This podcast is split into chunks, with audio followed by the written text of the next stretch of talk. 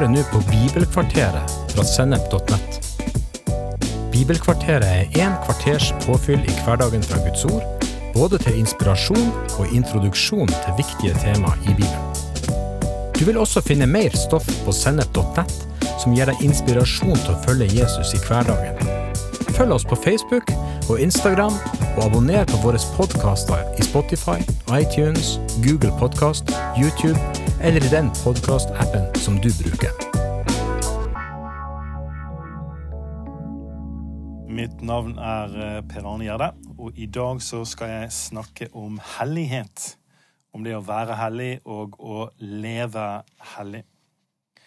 Det første vi skal se på, er det at Gud vil ha et hellig folk. Gud selv er hellig, og han sier at eh, dere skal være hellige, for jeg er hellig. 1. Peter 1, 16. Det greske ordet som vi finner i våre bibler, som er oversatt med 'hellig', er det greske ordet 'hagios', som betyr å være moralsk ren, det som fortjener respekt. Det går på noe som er innviet, satt til side, det som er verdig ærefrykt og ærbødighet. Og Da ser vi det at Gud han er hellig fordi han er ren, han er tilsidesatt, det er ingen som han, og han er definitivt verdig ærefrykt og ærbødighet. Og så sier Gud gjentatte ganger, blant annet i 5. Mosebok kapittel 7 og vers 6, for du er et hellig folk for Herren din Gud. Blant alle jordens folk har Herren din Gud valgt deg til å være hans folk, hans eiendom, hans dyrebare eiendom. Så Gud er en hellig Gud, og vi skal være et hellig folk for Han. Og da er det sånn at vi er erklært hellige. Vi er hellige allerede, sier Bibelen. Det finner du flere plasser. Ofte så starter Paulus sine brev med å hilse de hellige i Filippi, de hellige i Efesos osv. I første Korinterbrev 6,11 så står det slik var noen av dere før, men nå er dere vasket rene, dere er gjort hellige, dere er gjort rettferdige i Herren Jesu Kristi navn og ved vår Guds ånd. Så når du omvendte deg og ble født på ny, du ble en ny skapning, født av Gud, du fikk et nytt hjerte, Jesus da ble din rettferdighet, og han ble din hellighet. Det skjedde i et øyeblikk. Du var en tornebusk. Gud gjorde deg til et epletre. Du var død. Gud gjorde deg levende. Du var en synder. Gud gjorde deg hellig. Det er en objektiv sannhet. Det er vår status i Kristus. Men så sier Bibelen samtidig at vi må vokse i hellighet. Første Korinterbrev 1,2 sier Paulus hilser, de, hilser Guds menighet i Korint. Dere som er helliget i Kristus Jesus. Der har du den, den objektive sannheten at vi er hellige. Og så fortsetter han med å si og er kalt til å være hellige, sammen med alle som hver på sitt sted påkaller vår Herre Jesu Kristi navn, Han som er deres og vår Herre. Så de er hellige, og de er kalt til å være hellige, kalt til å leve hellig. Det er det Bibelen uttrykker når, når den sier at vi har denne skatten i et leirkar. Vi har en fantastisk skatt, som er livet vi har fått i Kristus, men denne skatten er i en leirkrukke. Den er ikke en mingvase, den er ikke et kar av gull, den er et kar av leiren. Når Gud ser deg, så ser han både skatten, og han ser eh, leiren. Helliggjørelsen, den, den, denne helliggjørelsen som vi skal vokse i gjennom livet, den begynte da du ble født på ny. Romerbrevet 6, 17-18 sier Men Gud være takk, dere som før var syndens slaver, er nå av hjertet blitt lydige mot den lære som dere ble overgitt til. Dere ble satt fri fra synden og har blitt slaver for det som er rett. Så vi ble satt fri fra syndens makt. Vi ble satt fri fra kjærligheten til synden. Synden er ikke lenger vår Herre. Dere ble satt fri fra synden, sier Paulus. Det betyr ikke at vi er syndefri. Vi kan fremdeles oppleve fristelse, og vi kan fremdeles falle for fristelse, men det har likevel skjedd en grunnleggende endring. Vi har gått fra å være et dårlig tre, et, en tornebusk om du vil, til å være et godt tre. Og fordi vi er gode tre, så vil det å bære god frukt komme naturlig. Det vil være et ønske i vårt liv om å leve i tråd med Guds vilje. Så er det sånn at denne helligheten og denne helliggjørelsen den er ment å øke gjennom livet. Første Peters brev 1 vers 15 sier Han som kalte dere, er hellig. Slik skal også dere være hellige i all deres ferd. Og 2. Korinterbrev 3,18 sier Og vi som uten slør for ansiktet ser Herrens herlighet, som i et speil, vi blir alle forvandlet til dette bildet, fra herlighet til herlighet, og dette skjer ved Herrens ånd. Så vi går fra herlighet til herlighet. Det er en stadig voksende herlighet og hellighet i våre liv. Likevel så er det sånn at vi blir aldri fullstendig helliggjort her i dette livet. Når Jesus skulle lære sine disipler å be, så visste han at de kom til å trenge å be om tilgivelse. Så han lærer oss i Fader vår å be, tilgi oss vår skyld, slik vi òg tilgir våre skyldnere. Jesus visste at den bønnen er en bønn vi stadig vekk har behov for å be. Jakob 3,2 sier noen av oss snubler av og til. Nei, det står ikke det. Det står alle snubler vi ofte. Så selv om Gud har begynt et verk av helliggjørelse i oss, så blir den ikke fullstendig her i dette livet. Det er først når Jesus kommer, at vi blir gjort fullkomne.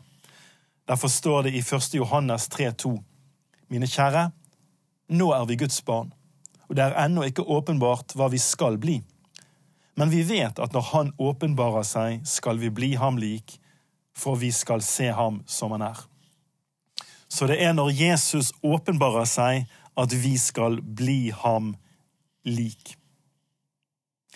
Vi skal se litt på hvordan vi samarbeider med Gud i denne helliggjørelsesprosessen. Det første vi skal se på, det er det at helliggjørelse det er Guds verk i oss.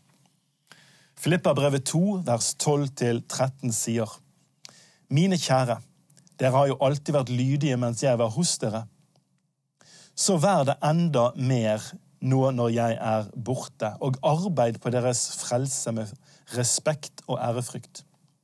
For det er Gud som virker, eller er virksom, i dere, så dere både vil og gjør det som er etter Guds gode vilje. Det er Gud som er virksom i oss, både sånn at vi vil, og sånn at vi gjør det som er etter Guds gode vilje. Gud er den som har gitt oss et nytt hjerte. Gud er den som har gjort deg til et nytt tre, et godt tre som bærer god frukt. Det er Den hellige ånd som produserer åndens frukt i våre liv. Vår rolle er å stole på Han. Vår rolle er å ta imot fra Han som virker i oss, og leve i tråd med Hans gode vilje. Men samtidig så viser Bibelen at vi har en stor og viktig rolle å spille. Bibelen beskriver vår eh, helliggjørelse med ord som dette her. Arbeide, drepe, rense oss selv, strebe, holde oss borte fra, gjøre motstand, legge av, våke og å holde ut. Så Filippa-brevet 2, for eksempel, som vi nettopp leste, 2, 12-13, sier Mine kjære, dere har jo alltid vært lydige mens jeg var hos dere. Så vær det enda mer nå når jeg er borte, og arbeid på deres egen frelse med respekt og ærefrykt. For det er Gud som er virksom i dere, så dere både vil og gjør det som er etter Guds gode vilje. Så fordi Gud virker, så kan vi lykkes i vårt arbeid. Men vi må faktisk arbeide på vår egen frelse. sånn som det, disse versene sier. Og hvis vi ikke arbeider, så er det heller ingen helliggjørelse. Og Så kan det jo være at du tenker arbeidet. Det høres jo ikke akkurat ut som nåde. Er ikke det nærmest litt lovisk, eller smaker ikke det av fortjeneste? Nei, det er ikke sånn det er. Du vet, 1. Korinterbrev 15,10 sier Men ved Guds nåde er jeg det jeg er, og Hans nåde mot meg har ikke vært bortkastet.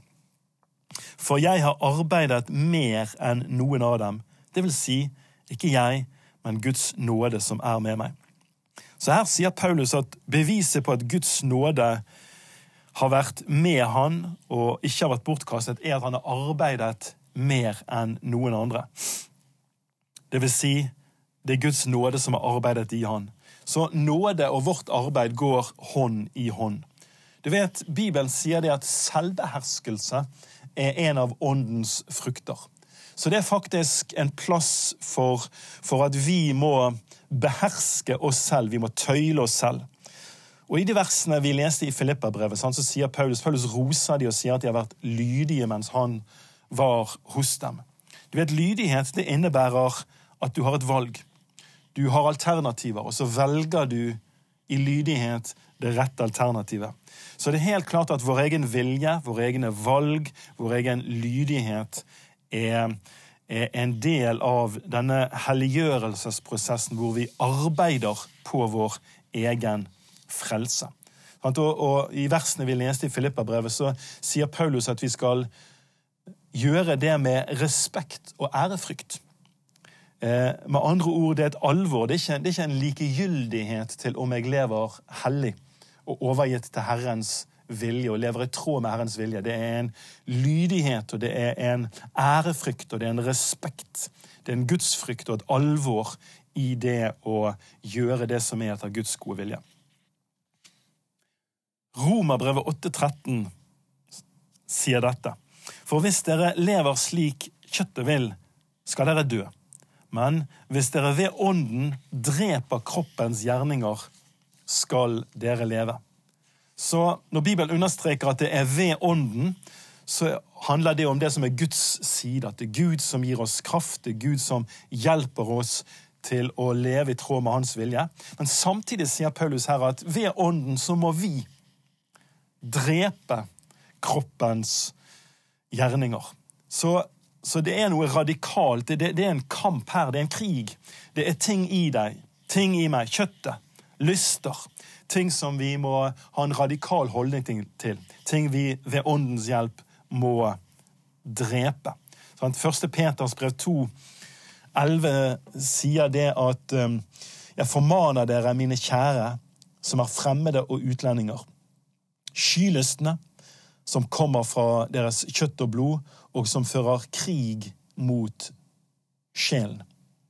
Så det er en del ting vi må sky det er en del ting vi må drepe. Det er en del ting som fører krig i oss mot vår sjel. Og det er et alvor i det, for i Romerbrevet 8,13 så står det at hvis vi gir etter for og bare lever etter kjødet, så skal vi dø. Et annet eh, vers som understreker noe av denne kampen, og noe av det som er vår side i kampen, finner du i Hebreerbrevet 12, vers 4. Der står det i kampen mot synden har dere ennå ikke gjort slik motstand at det kostet blod. Så her er det snakk om at vi må gjøre motstand inntil uh, at det koster blod. Og Hebreabrevet 12, 14, streb etter fred med alle og etter helliggjørelse, for uten den skal ingen se Herren. Så vi må gjøre motstand vi må, mot synden, og vi må strebe etter helliggjørelse. Nå er det jo sånn at vi har allerede, vi har allerede sagt sant, at her i livet så blir vi ikke fullkomne. Og vi har sett på Jakob 3,2 at alle feiler vi ofte. Men på en annen side så er det sånn at hvis jeg ikke kjenner sorg i hjertet over synd, hvis jeg kan overgi meg til synd, hvis jeg lever i synd, hvis jeg elsker synd, hvis jeg kan leve sånn kjøttet vil, og det ikke er noe i meg som, som vekkes, og som kjenner en lyst til å leve hellig og en lyst til å være til behag for Gud, da sier Bibelen at vi skal dø. Da, da er, er, jo spørsmålet om vi har smakt Guds liv i utgangspunktet i det hele tatt. Jesus sier f.eks. at det er bedre å rive ut øyet eller rive av armen enn å havne i helvete. Så han sier på en måte at alternativet til radikal helliggjørelse er fortapelse. Efeserbrevet 5.5 sier for dere skal vite at ingen som driver hor, eller lever i urenhet eller er grådige, skal arve, Guds, skal arve Kristi og Guds rike. Det er jo avgudsdyrkelse. La ingen narre dere med tomme ord. Og 1. Korinterbrev 6, vers 9-10. Vet dere ikke at de som gjør urett, ikke skal arve Guds rike? La dere ikke føre vill. Verken de som driver hor, de som dyrker avguder, eller de som bryter ekteskapet, verken menn som ligger med menn, eller som lar seg ligge med, verken tyver, grådige, drukkenbolter, spottere eller ransmenn skal arve Guds rike. Så her, Det er interessant at I begge disse versene, både i Efeserbrev og i første Korinterbrev, så, så, advarer Paulus mot å la seg føre vill eller la seg narre med tomme ord. Han, han, bringer inn et alvor og sier at du kan ikke leve overgitt til synd og tro at du skal bli frelst. Igjen, det vil ikke si at vi lever eh, fullkomne liv her i livet. Vi har allerede sett på det at det er først når Jesus kommer igjen, at vi blir fullkommen. Så, så om du som alle andre opplever at du har falt, du har syndet, og du trenger å gå til Gud og, be om tilgivelse Det er ikke det jeg snakker om her, men jeg snakker om dette at hvis du ikke faktisk kjenner en sorg i hjertet over synd, og hvis du kan leve overgitt til synd, og det er ikke noe som plager deg i det, da er du på vei mot fortapelse. Det er sånn at Gjerningene viser, sier Bibelen, hvilket tre vi er. Så et liv i helliggjørelse er en nødvendig fortsettelse av det å ha, bli, ha blitt helliggjort. I del to av denne serien om helliggjørelse så skal vi gå litt nærmere inn på hvilke områder i livet hvor vi ofte kan møte denne kampen mot synd, og hvor vi møter, møter denne helliggjørelsesprosessen. Og vi skal òg se litt på hva Bibelen sier om behovet for utholdenhet i denne helliggjørelsesprosessen. Så da håper jeg vi eh, høres igjen i del to.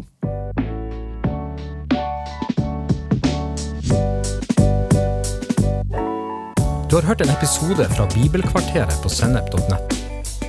Du vil også finne mer stoff på sennep.nett som gir deg inspirasjon til å følge Jesus i hverdagen. Innholdet på Sennep er gratis og tilgjengelig for alle takket være økonomisk støtte fra kristent nettverk, menigheter og enkeltpersoner. Du kan også hjelpe oss ved å be for oss at vi skal forkynne ordet med frimodighet. Ved å dele innholdet vårt med venner og bekjente. Ved å rate podkastene våre på iTunes eller i podkastappen som du bruker. Eller ved å gi en engangsgave på VIPS. VIPS nummer 54 66 68. Takk for at du lytter til sennep.nett.